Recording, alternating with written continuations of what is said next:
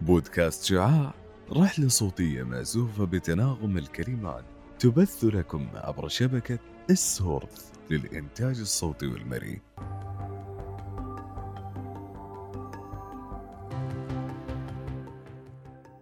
يا أهلا وسهلا مستمعينا في كل مكان معاكم تسنيم فريد وهذا بودكاست شعاع. الطاقة لا تفنى ولا تستحدث من العدم ولكن يمكن تحويلها من شكل إلى آخر. قانون تراود على مسامعنا كثيرا في حصص الفيزياء وها هو يرافقنا الآن كأصل تخصص الهندسة الميكانيكية. يرجع تاريخ الهندسة الميكانيكية إلى العصور القديمة حيث كان يطلق عليه علم الحيل الروحانية نسبة إلى الطاقة. وتم استعمال التكنولوجيا المصرية القديمة بصنع رافعة لتحريك الأشياء الكبيرة وأيضا في بلاد ما بين النهرين قبل ثلاثة آلاف سنة قبل الميلاد. تم استعمال ما يسمى بالشادوف وهي آلة لرفع المياه. طور هذا العلم مع تقدم السنين والخبرات ليكون بما هو عليه الآن ويصبح من أهم التخصصات الدراسية والهندسية خاصة. لننطلق الآن في مركبة بودكاست شعاع لنجول بين مجالات الميكانيكا وأقسامها. الهندسة الميكانيكية تختص بعلوم ميكانيكا المواد الصلبة والسائلة والديناميكا الحرارية انتقال الحرارة علم المواد والطاقة وأيضا مدى تأثيرها على الأجسام.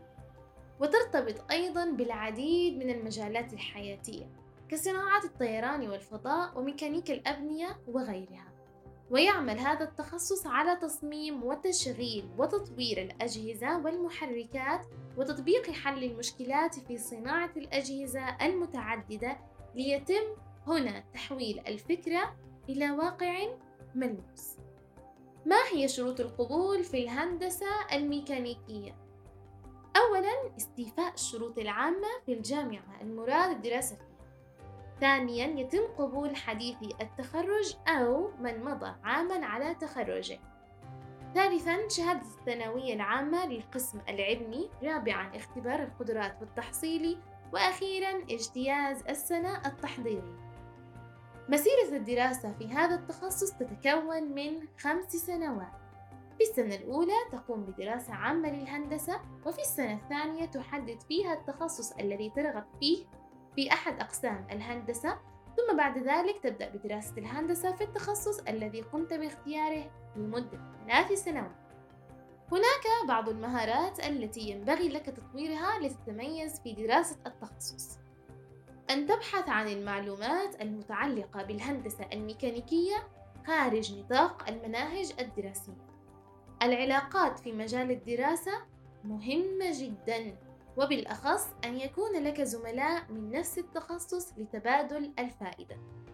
كذلك أن تكون قادرا على رسم وتخيل التصاميم الهندسية وأيضا أن تكون قادرا على الخوض في غمار الرياضيات المكثفة. إذا أين يمكنك دراسة الهندسة الميكانيكية في المملكة العربية السعودية؟ التخصص موجود تقريبا في 25 جامعة منها جامعة الملك فيصل، جامعة الملك فهد للبترول والمعادن، جامعة الملك عبد العزيز، جامعة تبوك، جامعة حائل، وأخيرا جامعة الأمير سلطان. هل تخصص الهندسة الميكانيكية مهم في سوق العمل؟ خلينا نقول إنه هذا سؤال مهم.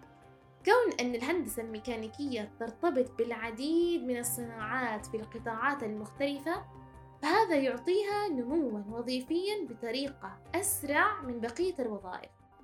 فالمهندسين الميكانيكيين يلعبون دورا فعالا في محطات تحلية المياه إنتاج الطاقة وتصميم أنظمة النقل وتصميم الرجال الآليين وتصميم الآلات الصناعية المختلفة وتشخيص أعطالها والتحكم في عملها لهذا لا تكاد تخلو مصانع أو محطات توليد الطاقة أو حتى شركات البترول من أي مهندس ميكانيكي. مهام المهندس الميكانيكي تتمثل في قدرته على تطبيق المعرفة في كافة فروع الرياضيات المختلفة. كحساب التفاضل والتكامل والاحتمالات والإحصاء وكذلك الجبر الخطي وأيضا العلوم الهندسية كالرسم الميكانيكي علوم حرارة الموائع الديناميكا التصنيع والتصميم وغيرها. وأيضا العلوم الأساسية مثل الفيزياء والكيمياء العامة. وفي قدرته أيضا على القيام بالتحليل والتفسير لبيانات التجربة والقدرة على إجراء التجارب من خلال المنظومات الحرارية والميكانيكية. يصنف تخصص الهندسة الميكانيكية الأعلى طلبًا في أغلب الدول وتحديدًا في المملكة العربية السعودية. فيمكن لخريج الهندسة الميكانيكية العمل في أغلب مجالات الهندسة وشغل هذه الوظائف. خلينا نشوف. أولاً مهندس مشروع يشرف هنا المهندس على مشروع العمل ويرى آخر الاحتياجات للمشروع من أجل إتمامه. مهندس ميداني يعمل هنا المهندس الميكانيكي كمصلح بحيث تعطى إليه بعض الأوامر ويلتزم بإنجازها كتشغيل الآلات. كمان مهندس مبيعات. دور المهندس هنا هو تقديم الدعم لفريق عمل المبيعات وتنفيذ الصفقات المربحة والإشراف على عمل نماذج مالية. أخيرا مهندس موقع. مهمة المهندس هنا بأن ينفذ معاينات عديدة ومتعددة لبيان حدود موقعه وتجهيز الشغل للعمال. يمكن أيضا للمهندس الميكانيكي العمل كمهندس عمليات ومهندس سلامة ومهندس جودة. وتتعدد مجالات العمل للمهندس الميكانيكي وكما قلنا سابقا لا تكاد تخلو أي منشأة من وجوده. كشركات النفط والطاقة، شركات المقاولات، شركات الصيانة والتصليح، شركات التصنيع، شركات التصميم، وزارة تحلية المياه، وأيضا في الخطوط السعودية. وصلنا للختام. وختاما أن تكون مهندسا. ميكانيكيا يعني أن تكون الماضي الحاضر والمستقبل. أن يظل الابتكار والتميز يلازمك أينما حلل.